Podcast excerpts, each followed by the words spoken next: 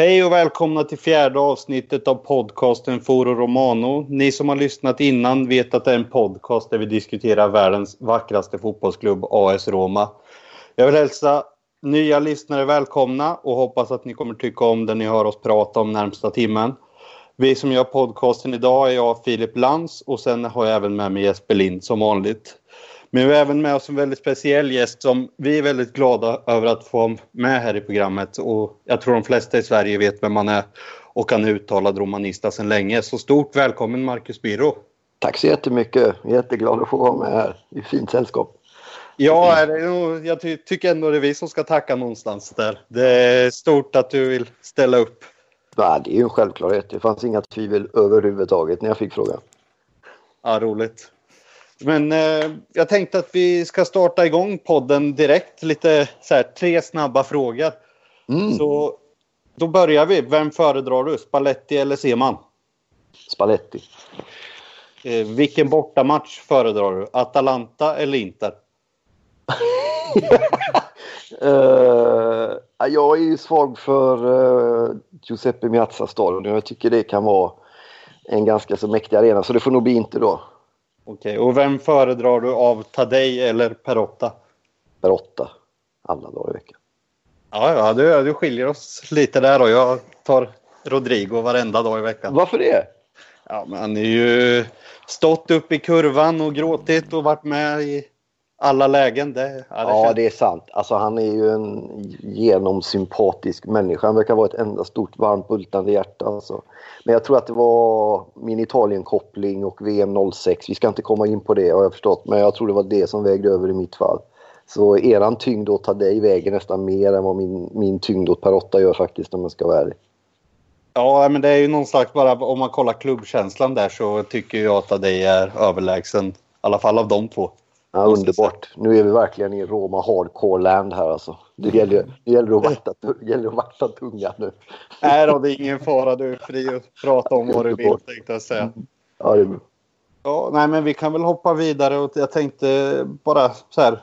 När börjar du följa Roma och varför? Och sen kommer det direkt en följdfråga där. Så vad är det med Rom som stad och Roma som klubb som gör dem så speciella? Ja, det, är ju, det hänger ihop Alltså min farsa är ju italienare så han kom till Sverige på 60-talet. Ehm, så jag är ju uppväxt med, med Italien och den italienska fotbollen. Min farsa är ju en Juventino så... Ja, lite krig där hemma då med andra ord. Ja, alltså, och det har jag ju skrivit om och det är väl ingen hemlighet att när jag var liten så höll jag ju på Juventus.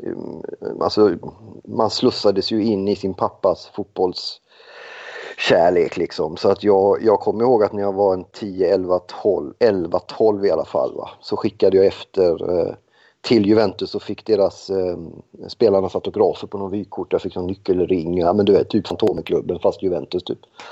Eh, sen så var jag i Rom första gången när jag var 16, 1988 var det så det är länge sedan. Eh, och då förälskade jag mig så grundligt i stan och började då Eh, för då spelade jag fotboll på hyfsat hög nivå, pojk-SM och sånt där, så att jag var väldigt involverad i fotbollen. Ehm, och den tog väldigt mycket av min tid och mitt liv då. Och när jag var i Rom där så, så blev jag så drabbad av stan att jag sökte mig till eh, laget i stan då. Och eh, då och där började kärleken och sen något halvår senare fick jag ta en diskussion med pappa och den diskussionen pågår väl fortfarande kan man väl säga. Men, men det var slutet 80-talet som kärleken började. Den kom just av kärleken till stan först och främst. Ja, just det. Men vad, vad är det med stan som du liksom känner? För jag vet ju själv vad man känner när man kliver av flygplatsen nere i Rom. Att eh, även om man är helt svensk så jag känner mig ändå någonstans hemma igen. Om jag ja. säger så. Ja, men det där är intressant att du säger det på det sättet. Jag tror att det är många som upplever det så. Jag tror inte man behöver ha några Italien-kopplingar sådär alls. Det är många som är, som är supersvenska och känner precis samma. Men sen är det också, jag tror också att det är en viss sorts människor som, som känner som du beskriver det nu, att det är som att komma hem. Och det är intressant att, att du känner så, för det är, det är ju många också som kan vara i Rom och uppleva att det är kaos och stökigt och svettigt och varmt och mycket bilar och sådär. Men, men det finns också de som tycker att det är väldigt fascinerande och väldigt vackert och just en typ av hemkomst. Och de människorna upplever det, så är det för mig åtminstone, kanske för er också då, varje gång man åker dit. I andra städer kan man åka till en eller två gånger och det är fint. Men Rom är liksom lika häftigt varje gång oavsett hur många gånger man har varit där. Och det är ju helt, det är unikt för Rom skulle jag vilja säga. Ja, nej, men det håller jag helt och hållet med dig. Jag har bara varit nere tre gånger än så länge, men det är ju inte så att man har fått nog någonstans, utan alltså det går ju bara att börja om och om igen, tänkte jag säga.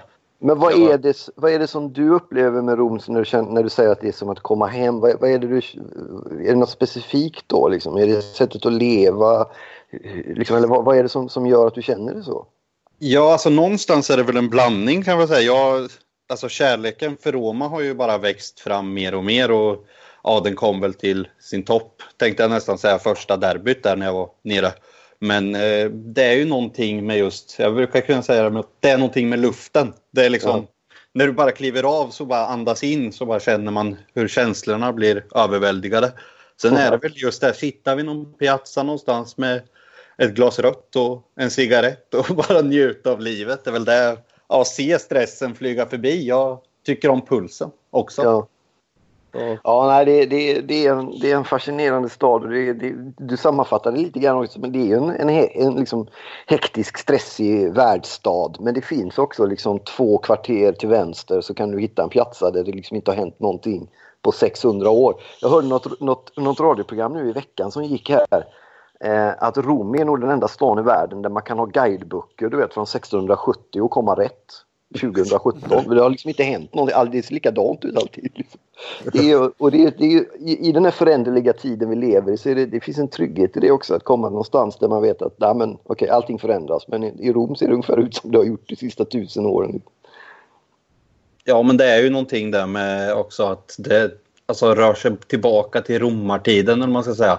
Att mm. det är mycket som är bevarat och det är många vackra kyrkor. Det, ja, kolla Pantheon som har stått där hur länge som helst fast det egentligen är ja, man tycker att det är omöjligt att det ska kunna stå en rund byggnad utan en pelare i sig. Liksom. Ja, och den bygger det... man på ja, noll, ja, vid, noll, noll vid Kristus där liksom. Ja, exakt. Ja, det är 2000 år. Det är så nära en tidsmaskin man kan komma. Det är att ta sig till Rom och stå vid de här välbevarade byggnaderna som, som liksom är från... Jag vet att det finns en bro där över också som, som, ges, som fanns på Jesu tid. Liksom. Ja, och den står kvar och den används. Man kan gå över den. Det sätter ju saker och ting i sitt perspektiv. Och jag tror också att det, det finns, en, det finns en, en kontrast mot Sverige då och, och, som är ett, ett, ett, helt annat land på väldigt många sätt. I Sverige är vi precis tvärtom. Här är vi väldigt måna om att det är nya och det är moderna och det, och det ska, du vet, vi ska stå längst fram och allting nytt som händer. Så, eh, så Rom är verkligen kontrasten till Sverige på väldigt många sätt. Ja, ja jo, det förstår jag. Men Jesper, forta vid lite så inte bara vi pratar tänkte jag säga här så. Nej, jag tänkte gå vidare på nästa fråga där nästan direkt då. Eh, det känns som att man ofta slits mellan hopp och förtvivlan när det kommer till Roma. Vad är det som, vad är det som gör att du orkar följa dem efter alla dessa? Jag vet inte, har ni några bra tips? Nej, Nej, alltså jag är så trött på det. Men vad ska man göra? Man har ju ingen val. Det är ju kärlek. Kärlek har man ju inga val. Jag tror inte på de som säger att de väljer sin kärlek. Och när det gäller fotboll, allra minst. Jag du kan byta din fru och du kan byta flickvän och en massa andra saker du kan byta med fotbollslag. Så på det, det byter man ju liksom inte när man väl... Ja, om man är 11-12 och höll på ett lag och sen förälskar sig. Okej då, jag får väl bjuda på den liksom. Men annars så är man ju, man är ju fast. Men det är ju som du säger, alltså det har varit mycket hopp och förtvivlan och mest förtvivlan. Framförallt alla de här sen tio år tillbaka, de här förbannade andra platserna tycker jag känns skitseg alltså. Vad är det ni stör er på eller vad är det som jobbas för er? Ja, alltså... Ja, jag, jag känner ju bara med det här att det ser bra ut ena stunden och sen kan det vara fullständigt kaos nästa stund. Och ja. det liksom ja, det genomsyrar hela klubben. Alltså det kan vara från ledning till bara hur det ser ut 90 minuter på en match. Liksom. Ja. Ja. Jag, men alltså, jag, jag, kan inte släppa det när... Ja, jag och min bästa kompis är ju båda på Roma då, kan man ju säga. Och mm. eh, jag kan inte släppa den sägningen han sa första gången vi var nere. Att liksom det, visst, min flickvän är min stora kärlek, med Roma är någonstans min första kärlek. Mm. Och den första kärleken glömmer du aldrig och den, på det, det ligger någonting i det. Ja, ja men det, det är så, så starkt är det ju och det är ju... Ja, det, det, är en, är en källa till både en del njutning och mycket lidande kan man väl säga. Ja, ja precis. Men om man kollar på det där, för jag vet att du många gånger har uttalat din kärlek till just Totti.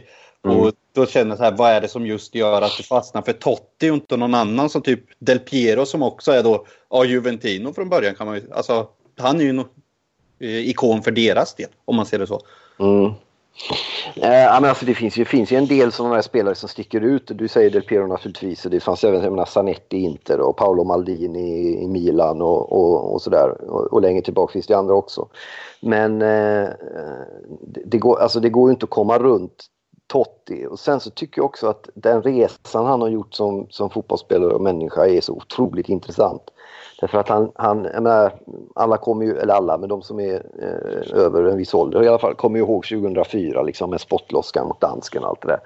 Och, och vilket rykte han hade, alltså, och kanske fortfarande delvis så, men alltså det var ju, han var ju avarten av fotbollsspelare runt om i Europa efter det där sommarens, den, den sommarens EM. Liksom. Som skulle bli, kommer jag ihåg, jag läste tidningarna i Norrköping jag bodde på balkongen. Läste du vet, tre dagar gamla Gazetta som man hade fått tag i någonstans och läste om att Totti skulle, det här är mitt EM, jag ska bli stor nu och så spottar han en dansk i ansiktet och så blir han avstängd och så åker de hem. Liksom.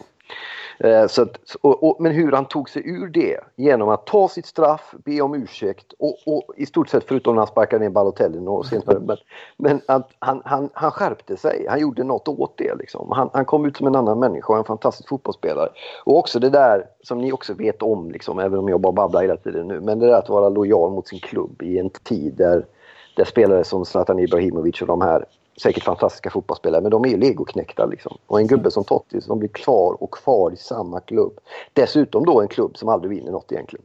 Det, det är liksom, den kärleken går liksom inte att överträffa. Den, den går liksom ett steg högre på något sätt. Ja, just det. Ja, men det är väl typ kanske det sammanfattar väl det mesta då vill jag säga. Där om man kollar på just vad jag tror många känner för just Totti som eh, har fastnat för Roma. Jag kan ju bara prata för mig själv att första ögonen föll väl upp 0-0 EM där. Då var jag 10 liksom. Då, då uppfattar man väl inte så mycket, men det var 14 man verkligen ja, kunde verkligen se honom och även att han gjorde det han gjorde så fastnade jag för Roma helt då när man ville följa Totti just. Ja, och, Nej, men han, han, har ju en stjärnstatus och en, eh, en karisma som är alldeles oerhörd också. Liksom. Så att han, han är ju en fascinerande människa och personlighet. Så, så han, drar ju, han drar ju folk till sig. Men det är just det att han är en sorts ambassadör för då sådana dårar som vi och andras kärlek. Han blir liksom en ställföreträdare för oss. Liksom. Och han tar på sig det. Och det är, menar, apropå hopp och förtvivlan som vi känner. Man kan bara tänka sig det hopp och den förtvivlan som han har känt genom åren. När han har varit mer eller mindre kidnappad av den här stan och det här laget. Han hade ju kunnat gå någon annanstans och leva ett mycket bekvämare och behagligare liv. Och kanske till och med vinna någonting mer. Men han har, han har valt det, det här. Liksom. Uh, och jag tycker att det, det, det, är så stort så att man blir, och det blir bara större för varje år som går tycker jag, att, att det är på det sättet. Ja, alltså det håller jag helt och hållet med dig om och det, det är väl det som gör att man kanske blir lite förbannad hur han i nuläget behandlas och jag vet inte om du... Ja, det är ju fruktansvärt. Alltså, alltså, vem är det som måste dö för att han ska komma in? Ja, du frågade om Spalletti och Seman här innan. Jag ångrar ju mig med en gång. Va, va, ni har ju liksom säkert närmare P. Vad handlar det om? Ja, alltså det, någonstans tror jag det handlar om någon slags tuppfäktning. Men eh, alltså, så, det verkar ju som att de stänger ju dörrarna så mycket som möjligt där. Och det, jag kan inte svara på om det är Spalletti eller om det är Palotta som bestämmer i det här ledet. Om jag ska vara ärlig. Och det, men ja, alltså. Jag kan inte svara på det, men då är ju nästa, liksom, blir han verkligen rätt man att leda Roma då, Spalletti, om man inte kan säga emot Palotta? Jag vet inte vad tycker ni om den frågan kan jag väl säga. Det är ju ställt till båda nu. Fel liksom. Så det är bara, för mig är det fullständigt obegripligt att han inte får mer speltid. Det är fullständigt, man blir alldeles matt bara liksom. Ja, i alla fall om man kollar slutet av förra säsongen där ja, egentligen då Jacko inte hade presterat överhuvudtaget. Mm. Exakt. Nej, men jag tycker liksom, man kan ju titta nu när han väl kommer in den här sista kvarten, 20 minuterna. Han är ju, han är ju fan inte dålig på plan heller när han kommer in. Nej, han levererar ju poäng nästan alltid liksom. Ja, så jag förstår, förstår inte varför Spalletti inte bytte in honom tidigare när väl vi står fast där framför motståndarnas, inte sexbackslinje, men eh, ja, fem, femmansförsvar i alla fall. In ja. så fan Alltså han hittar skarvarna till Seko och Sala och så vidare. Ja. Ja, det är märkligt. Men, men det, ja, det brukar ju... Förr eller senare så kommer det ju oftast fram varför. Liksom. Men då kan det ju vara för sent. Så att, eh, han har ju inte så, så mycket tid kvar känns det som som han kommer spela. Vad tror ni om eh, nästa säsong? Kommer han köra ett år till Totti? Ja, alltså någonstans är ju känslan att eh, det blir ytterligare en säsong. Det är alltså allting, nu har jag inte uttalat det, men alltså jag tyckte Spallettis sägning när han gick ut och sa att han vill inte vara den tränaren som leder Roma när Totti väljer att lägga av. Alltså antingen är det en hint på att, han kommer, att Totti kommer förlänga eller så är det en hint på att Spallotta kommer gå av. Eller så är det en hint på båda. Det är, liksom, det är min spontana tanke i det hela. Mm. Så ja, det känns som att det blir ett år till och det, då skulle det ju vara kul att ha en tränare som faktiskt vill spela Totti lite också. Nu säger inte jag att han ska spela 90 minuter varje vecka. Liksom. Det, för det går inte när man är så pass gammal. Men man kunde ju åtminstone få 20-25 ja. och ibland få starta. Det är väl inte för mycket begärt. Nej. Nej, det utan, och, och det här vet ju naturligtvis Spalletti om och det är som ni är inne på innan där att det är någon form av tuppfäktning i någon mening med någon någonstans. Annars så, men han har ju ett värde i, i liksom att komma in på plan av andra anledningar än att han kan springa liksom runt planen i 90 minuter. Det finns ju så många andra värden och det vet ju alla om. Så det handlar om någonting annat. Liksom. Och det är det som är så tröttsamt. Och det är ju typiskt italienskt och, och även väldigt mycket liksom, Roma. Det, det, handlar alltid om någonting annat. Det finns alltid en docka till under dockan. Liksom. Det tar aldrig slut. Nej, men den känslan får man ju verkligen gång på gång. Ja. Det, men om man kollar på det, vad, vad är ditt starkaste minne med Roma? Alltså det får, kan vara på plats eller om du satt hemma i tv-soffan eller var du än nu var. Det finns ju en hel del. Under 90-talet så följde man ju dem mycket på tv. Då var ju Serie A extremt stort så då var det stora magasin på TV4 och, och på TV3 och och Nordahl och de här gubbarna åkte ner och drack vin och grappade och lagade lite mat och visade Roma ibland. Så, då följde man ju de där. Sen ju mer man blev äldre och fick lite pengar så kunde man åka dit och sen bodde jag där under, en, under ett års tid. 2011 var det väl när amerikanerna kom in och då levde man ju väldigt nära och åkte ut till Trigoria och trä, eller kollade på träningen. Tränade själv. Tappade helt alltså.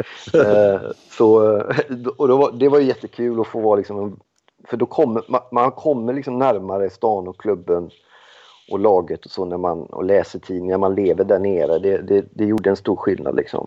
Eh, men sen kommer jag också ihåg när de vann ligan. Jag var inte på plats då, jag var i Italien då på ett badställe med familjen när de vann ligan hållet. Det var ju fantastiskt på alla sätt och vis. Alltså. Eh, sen har man ju också en del fruktansvärda minnen. Jag kommer ihåg jag jobbade på Kanal Plus eh, när Ibrahimovic kom in i en regnig match mot Parma där när de ledde nere på Sicilien. Och det var Panucci eller någon som hade gjort mål och Roma såg ut att vinna ligan och så sätter de in den där gubben och han stänker två. eller var det Parma och så vinner inte. Och det börjar ju de här liksom andra plats terrorn där för en tio år sedan. Någonting. Så jag har ju en del det är en del svettiga, jobbiga och hemska minnen också. Sen har jag några fina derbyminnen på plats. Eh, när de har vunnit och så som har varit, eh, som har varit alldeles otroliga. Jag kommer ihåg några regnig derbymatchen 11 där när jag, när jag jobbade, fick vara nere på inneplan också och träffa lite spelare och ledare i korridoren och så där, stod och darrade lite där. Det var, ja, det var stort. Mm. Jo, Marcus. Eh, hur ser du på säsongen hittills? Från eh, Romas håll och hur tror du att den slutar? Den här säsongen tycker jag att det har känts lite, alltså den här Juventus-hysterian, eh, eh att vinna ligan varje år, det har liksom, det känns nästan som att man har gett upp chansen att nu, nu handlar det liksom att även andra platsen är en sorts seger på något sätt. Så tar man den före då Napoli antar jag så, så är det en, en väldigt bra säsong trots allt liksom, trots uttåget ur Champions League-kvalet och den här eh, som jag tycker Spalletti-aktiga uttåget mot uh, nu sist här, det är i Europa League. Så tycker jag att kommer man tvåa så får man vara ganska nöjd faktiskt med det här materialet och det som de har fått ihop det. Så jag tycker att det skulle, det skulle kännas för en gångs skull kanske, eller för första gången okej okay att komma tvåa trots allt. Vad tycker ni? Koppan då, tänker jag. Liksom, vi gör en ganska flat match mot eh, ja. Lazio. Första var varför gör vi det för? Hur kan man göra en flat match mot dem? Jag fattar inte det. Det är obegripligt. Nej, det fanns väl ingen... Eh, någonstans så kändes det som att man var psykiskt slutkörda. Och ja. det, där är också återigen min tanke att Spalletti har coachat fel under höst och vinter. Ja. Men eh, jag tror ju dock att det kan vara positivt att åka ut mot Lyon. Och ja. tanken är väl att då går det ju faktiskt, alltså det blir för tunn trupp för att slåss på tre fronter. Eh, och då känns det som att då är det bättre att fokusera på koppan och i ligan. Ja, men kommer, kommer du säga det om de även åker ut mot Lazio i, i uh, Coppa Italia? Att det var bra att åka ut mot Lyon. Alltså åker de ut i bägge så är, så är det inte alls bra längre. Det är inte bra, men jag tycker fortfarande att koppan betyder, koppan betyder mer för mig än vad, vad Europa ligger. Ja. Jag vet inte, jag, jag trånar ju efter den tionde cupvinsten. Så är det ju bara. Det har jag ju gjort sen vi fick stryk för ett par år sedan här. Som jag mm. helst inte pratar om. Men... Nej, nej, men det finns andra som pratar desto mer om det. Ja, ja jo precis. Men jag bara känner att den där tionde är ju liksom, den är ju mer viktig än att komma kanske till en semifinal i Europa League och köra slut sig själva helt. För ja. det, alltså, jag vet inte, jag tycker att vi har ett tunn trupp. Det är väl den, min spontana tanke att vi, vi har en bra elva, men vad har vi egentligen bakom då? Egentligen? Ja. Förutom Totti, ska sägas. Ja, nej, det är sant. Eh, men vad tror ni om returmatchen mot Lazio? Vad, kan de fixa det eller kommer det liksom... För Lazio är ju inget dåligt lag så. Det var ju inte bara en platt match de gjorde Roma så. Och jag menar, det, det, de, de har ju gått rätt bra. De hade ju säkert mycket energier uppe och sådär också. Vad tror ni om returen där? Ja, jag tror det ganska, kan bli ganska skakig match. Enligt mm. rapporter nu närmsta dagarna så ska ju barriärerna bort. Mm inför eh, returmötet. Eh, mm. Så jag tror... Jag vill gärna se kurvan tillbaka vart... Om det nu gör, skulle vara verkligen eh, roligt att se så att och sen att vi vänder och tar oss till final. Mm. Kommer, om barriärerna tas bort, kommer kurvorna komma in direkt då till den matchen? Är det så det är tänkt? Ja, eller? Jag läste senast på Fotboll Italia igår att de ska ner mot Empoli hemma och eh, sen så... Ja, och sen är tanken då att kurvan ska vara tillbaka till derbyt, men inte mot Empoli. Utan man gör ett återtåg i derby. Mm. derby. Ja, okay. så det, och är de tillbaka så då är det en helt annan sak helt plötsligt. Mm. För eh, ja. jag har ju varit nere på båda och och jag vet ju själv hur flat arena det blir när kurvan är borta. Ja, exakt. Ja, Precis, jag menar, det, det, är en stökig arena som det är men, men utan kurvorna så är det ju bara liksom öststats rymdskepp som har landat någonstans. Liksom. Ja, ja precis. Ja, men, det... men om vi kollar, alltså om vi släpper den här säsongen då, vad, vad tror du är vi saknar för att faktiskt ta nästa steg då och kunna utmana ditt förra lag om att vara Italiens bästa lag? Oh, mitt förra lag, det. Men eh, ja, alltså det som är så intressant där när det gäller då det här laget, eh, Juventus, det är ju att de fick ju ett, ett försprång. De har ju varit så otroligt mycket smartare än alla andra klubbar i Italien. Och det har de varit trots att de då åkte ut där för en 10-11 år sedan när de gjorde en vända i Serie B och kom upp. Och, och, eller kanske tack vare den vändan rättare sagt, att de lärde sig väldigt mycket av det. Det är inte bara det att de har haft pengar och, och, och struktur och sådär. De har en historia också av att att vinna och att fortsätta vinna. Och det där sista är, är alltså folk som inte följer Serie A så noga, de säger att det är bara ett lag och det är, resten är skit och, och sådär. Och, och, så enkelt är det naturligtvis inte. Men, men de har, de har en, en kultur och de har ett sätt att tänka och de har haft det under så lång tid. Och där, där, som vi var inne på innan, Roma är en annan typ av stad. Det är en helt annan planet. Man glömmer ju ofta också när man pratar om italiensk fotboll i Sverige att Italien är ett sånt väldigt lite homogent land. Alla delar är liksom fullständigt kaosartade i förhållande till varandra. Det är, ingen som, det är ingenting hänger ihop någonstans. Liksom. Och, och, den delen av Italien där Rom ligger är en annan typ av, av, eh, av kultur. Det är därför ett, ett lag som Rom, även om vi har haft ett bättre lag, och vann då 0-1 exempelvis och hade ett lika bra nästa år skulle aldrig kunna vinna 3-4 år i rad. Det finns inte på kartan, det existerar inte den typen av sammanhållande framgångsmekanismer som det finns i Turin till exempel. Och det där beror på så många saker som är svåra att sätta ord på. Man pratar om kultur i väggarna och allt vad det är liksom. Men det, det är svårt att sätta ord på vad det är. Så det är svårt att säga, men jag, jag tror att menar, en ny arena har de ju pratat om sedan 70-talet känns det som. Så får de någon gång arslet ur sin byråkratiska vagn och bygger den där arenan någon gång så kan ju det vara en sån kick som gör att någonting börjar, som det heter, att byggas in i väggarna. Och att man då, amerikanarna, även börjar lossa lite ännu mer med pengar och att man börjar bete sig som den storklubb som man ändå tror och tycker att man är. Och köper in en del riktigt bra spelare, chansar lite ekonomiskt och, och vågar. Ja, alltså du behöver ju inte vara, nu behöver ju inte prata stjärnor som Kovacic eller liknande, men någonstans så känns det ju som att Nu var ju Dzeko hyfsat stor värvning, men det är ju fler sådana värvningar vi måste göra om vi ska någonstans ta oss ikapp, känns det ju som. Ja, så är det ju. Och sen även kanske ändra en del Alltså mer finlirare grejer, hur man lägger upp träning och hur man... Hur man för det man märker på italienska lag förutom Juventus när de kommer ut i Europa att då, då märker man att Serie A går lite långsammare, det går snabbare när man möter liksom... Om även när Juventus möter Bayern München så ser man att det går snabbare. Så att det, det, man kanske ska lägga om och börja snegla lite ännu mer på en del mellaneuropeiska särskilt kanske då ligor och länder och lag och spelare och se hur de har gjort och hur de gör och lära sig lite. Italien har ju varit väldigt mycket att vi vet bäst och vi är bäst och vi är snyggast och det är de ju oftast också. Men man, man måste ödmjuka sig ibland för att mm. komma vidare i livet kan jag berätta.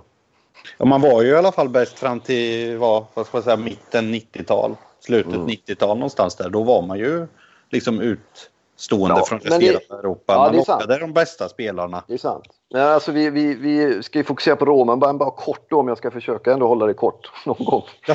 men Serie A är ju liksom att det där, nej, men det var bra på 90-talet, sen dess är det värdelöst. Men det är ju, man spelade EM-final 2000, man, man uh, vann VM 2006, Milan vann Europacupen 2007, Inter vann Champions, eller förlåt, Champions League. Inter vann Champions League 2010. Det är bara två år sedan, eller var det Juventus tre kanske? Nej, två. Juventus spelade final i, i Champions League liksom. och Italien spelade Europa EM-final 2012. Så jag menar, så dåligt är det inte. Jag menar, jag säger att engelska ligan är bäst i England. Englands landslag åker ut mot Island i EM liksom. Ja, det, men, ja, men de är totalt värdelösa. Det, det, det, är inte, det, det, det är någon sån här konjunktursgrej lite också. Man bestämmer sig för den ligan är bäst nu och då är det så. Den är då så så. Och så enkelt är det ju inte. Nej, nej, men jag tänker, alltså kollar man landslaget så kan man ju bara se tillbaka till senaste EM nu i somras där alltså Italien är ju inte sämre än Tyskland någonstans. Det är ju bara ren oflytt att man åker ut på straffarna. Ja. Så alltså, jag, först, jag förstår vad du menar, men det känns ju ändå som att ligan i sig är sämre. Men det har ju också med att göra att man kanske inte kan locka de största spelarna längre. Det beror på tänker... vad man lägger för definition av, eh, av, av bra och sämre. Att det är mindre pengar och att arenorna är fulare och att tv-produktionen inte är lika snygg från England och sånt där. Det är ju helt sant. Men sen finns det andra värden och jag, och jag tror att det, när de värdena som nu då när, när klackarna eller kurvorna vägrar gå på, de är mycket, mycket allvarligare. För, för när Italien tappar sin sin passion och sin, sin, hela den här, allting runt omkring fotbollen. Det ni börjar med att beskriva vad Rom som stad är. Det är ju en del av fotbollen i Italien på ett och det där kan man tycka är en klyscha men det är faktiskt sant. Börjar man tappa det då, då, då, är det ju värre tycker jag än om man åker ut mot Lyon till exempel då. Ja, jo det är... England är Om man kollar spansk fotboll. Det är bra, är snabb fotboll. Ja, men jag menar liksom kollar man de åren som faktiskt då Inter vann eller Milan vann eller nu Juventus var final. Det är ju bara ett lag från Italien som är med. Det är ju inte fler ofta som är med upp i kvartsfinal, semifinal. Nej, Nej men, det är sant. Men eh, alltså, visst, det är väl en pengafråga med. Det, kan du inte erbjuda en miljard i, om året, ja då kanske du inte heller får Ronaldo eller Messi eller någon att komma. Och det är väl men kan det inte också vara så att man, alltså att man vill följa olika, man följer Serie A av en anledning till exempel eller några anledningar. Sen kan man väl följa Premier League om man tycker det är kul. Jag kollar ju hellre på Crotone Bologna, jag kollar på United Derby men det är ju fel i huvudet på mig då. Men det finns ju olika värden i olika ligor som man kan följa ligorna för liksom. Man behöver inte bara hela tiden definiera vilken är, vilken är bäst. Ja, det beror väl på vad man är ute efter i livet liksom. Ja, nej, men jag håller med dig helt. Jag är likadan. Jag ser hellre på Kiev och Atalanta än ett Manchester-derby. Det är liksom alla dagar i veckan. Svårt att höra. Alltså. Ja. Har ni förresten varit inne på Roma Store nere i Rom någon gång? Ja. Har, har, ni också, har ni också varit med att de är lite sura över att man kommer in? För att, de inte, för att man inte är... Jag vet inte jag vad de tror. Men eller hur upplevde ni det? Jag bara kom att tänka på det plötsligt. Ja, nej, jag, jag kan väl... Ja, jo, det kan väl ligga någonting i men jag är ju en stor Roma-tatuerad. Eller Roma-fara. Han är en av oss på riktigt liksom. Han är ingen sån svenne som kommer ner med någon charterflyg och bara hackar en Totti-tröja. Gubben har tatuerat in det. Ja, ja nej, men alltså jag, jag tror de helt tänker rätt. så men jag... Ja, alltså, du har helt rätt. man på Roma Club Svezia som är alltså Nordens största Roma eh, supporterskap eller man ska säga. Det är ju alltså, det är många inbytna romanista som är med där. Det är ju liksom, det är inga sådana som inte kan någonting utan det är ju faktiskt väldigt kompetenta människor som vet mycket om Roma och väldigt insatta och många har även bott nere i Rom ett litet tag. Mm. Så Men om vi kollar, eh, om vi tänker bort Spalletti och leker med tanken att han försvinner till sommaren. Vad, har du något namn du skulle vilja in på tränarbänken som du tror skulle kunna göra skillnad? Eller? Har två namn som jag tycker skulle vara fantastiskt roliga. Det är ju Marcello Lippi och uh, Ancelotti framförallt kanske. Som, jag, som har ju då och i en stad och ett lag som Rom så, Roma så tror jag att det skulle vara, finnas många poänger med att ha en sån som Ancelotti där. Ja, det hade varit häftigt. För, alltså, Ancelotti känns ju lite långt bort med tanke på ja, jag vet. coachat ett år i Bayern München va? Tror jag. Ja. ja. Men vad gör Lippi då, då? Det har jag alldeles för dålig koll på. Ja, vi också rätt då. Sist var han i Kina tror jag. Plocka hem honom då. Sätt ja. honom på Romas tränarbänk och se honom göra under. Ja, nu är det ju ett tag sedan han gjorde det där med Italien men... Uh, ja, jag vet inte om man har till och med landslaget i Kina eller om man har något klubblag. Men det, det är något... Han har herrlandslaget. Ja. ja. Kinas herrlandslag kan ju inte locka så överdrivet mycket. Pengar. Nej. Ja, exakt. Exakt. Det sa men, du. Men vad är det med just honom som gör att du skulle vilja se honom? Koppla lite till det du sa innan där. Det är ju en spelare, eller en, en, förlåt, en tränare som genom hela sin karriär eh, med Klimax 06 har lyckats göra ett bättre lag av spelare som enskilt en och en inte har varit lika bra som laget blev. Han är en mästare på att bygga lag och han använder liksom alla medel som, som borde stå till buds och som inte står till buds för att bygga ett starkt lag. Och jag tror att eh, i en sån klubb och stad som Roma så tror jag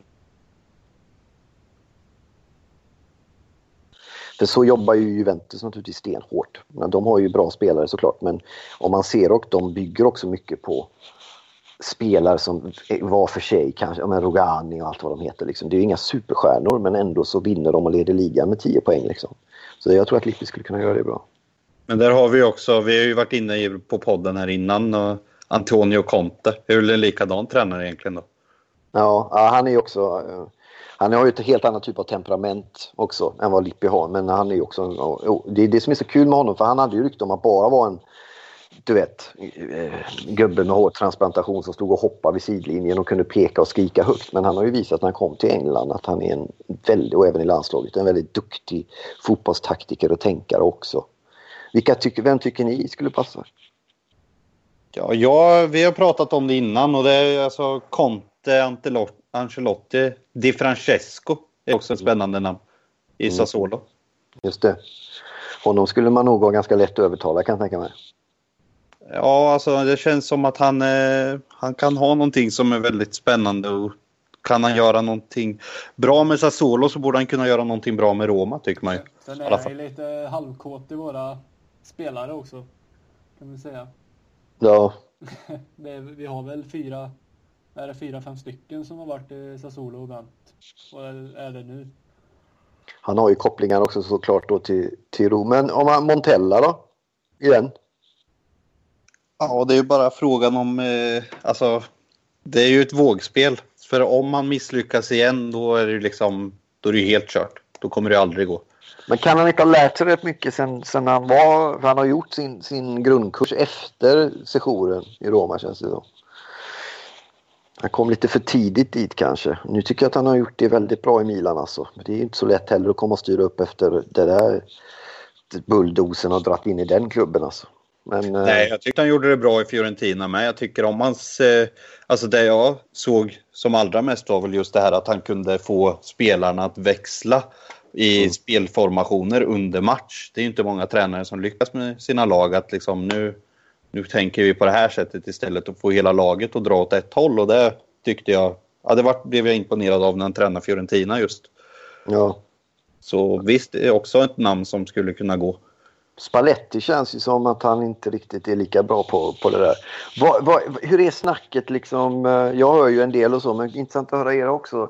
Eh, vad ska man säga, bland, bland hardcore-fans eller riktiga fans när det gäller Spalletti. Hur, hur utsatt jag har förstått att han är medialt utsatt av många olika anledningar. Men, men vilken press lever han under? Alltså det är en väldigt stor blandning skulle jag vilja säga. Alltså nu mm. ser jag mycket, om man kollar bara svenska fans så, men eh, det är många olika åsikter. Men vissa tycker faktiskt han ska vara kvar och tycker att han gör det bra. Medan de som inte vill ha kvar honom verkligen vill ha bort honom nu. Det är liksom har, det är nog ungefär. Mm. Så det känns som att det är en stor blandning i det hela och det känns som att eh, ja, börjar resultaten svaja lite till så sitter han nog väldigt löst istället och då går det fort för honom. Det är ju liksom, det kan man ju säga där att det är ju en, man kommer nog inte så stor, eh, något så stort tålamod med honom som tränare. Kan jag gissa. Vad, vad, vad, har hans förtjänster varit då? Om vi har varit kritiska mot honom. Vad är det han har, hur, på vilket sätt ser vi att det här Roma är, är tränat av Spalletti? Kan man känna igen det på något sätt? Nej, jag, känner, jag tycker väl att det, han har växlat en trebackslinje. Mm.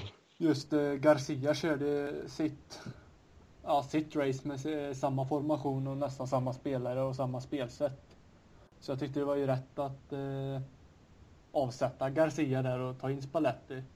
Men det är alltid lätt att vara efterklok nu och säga att det var rätt att ta in Spalletti och nu kan det ju vara nog, tycker många. Men eh, han är fortfarande kontrakt hos oss och det är mycket som kan hända.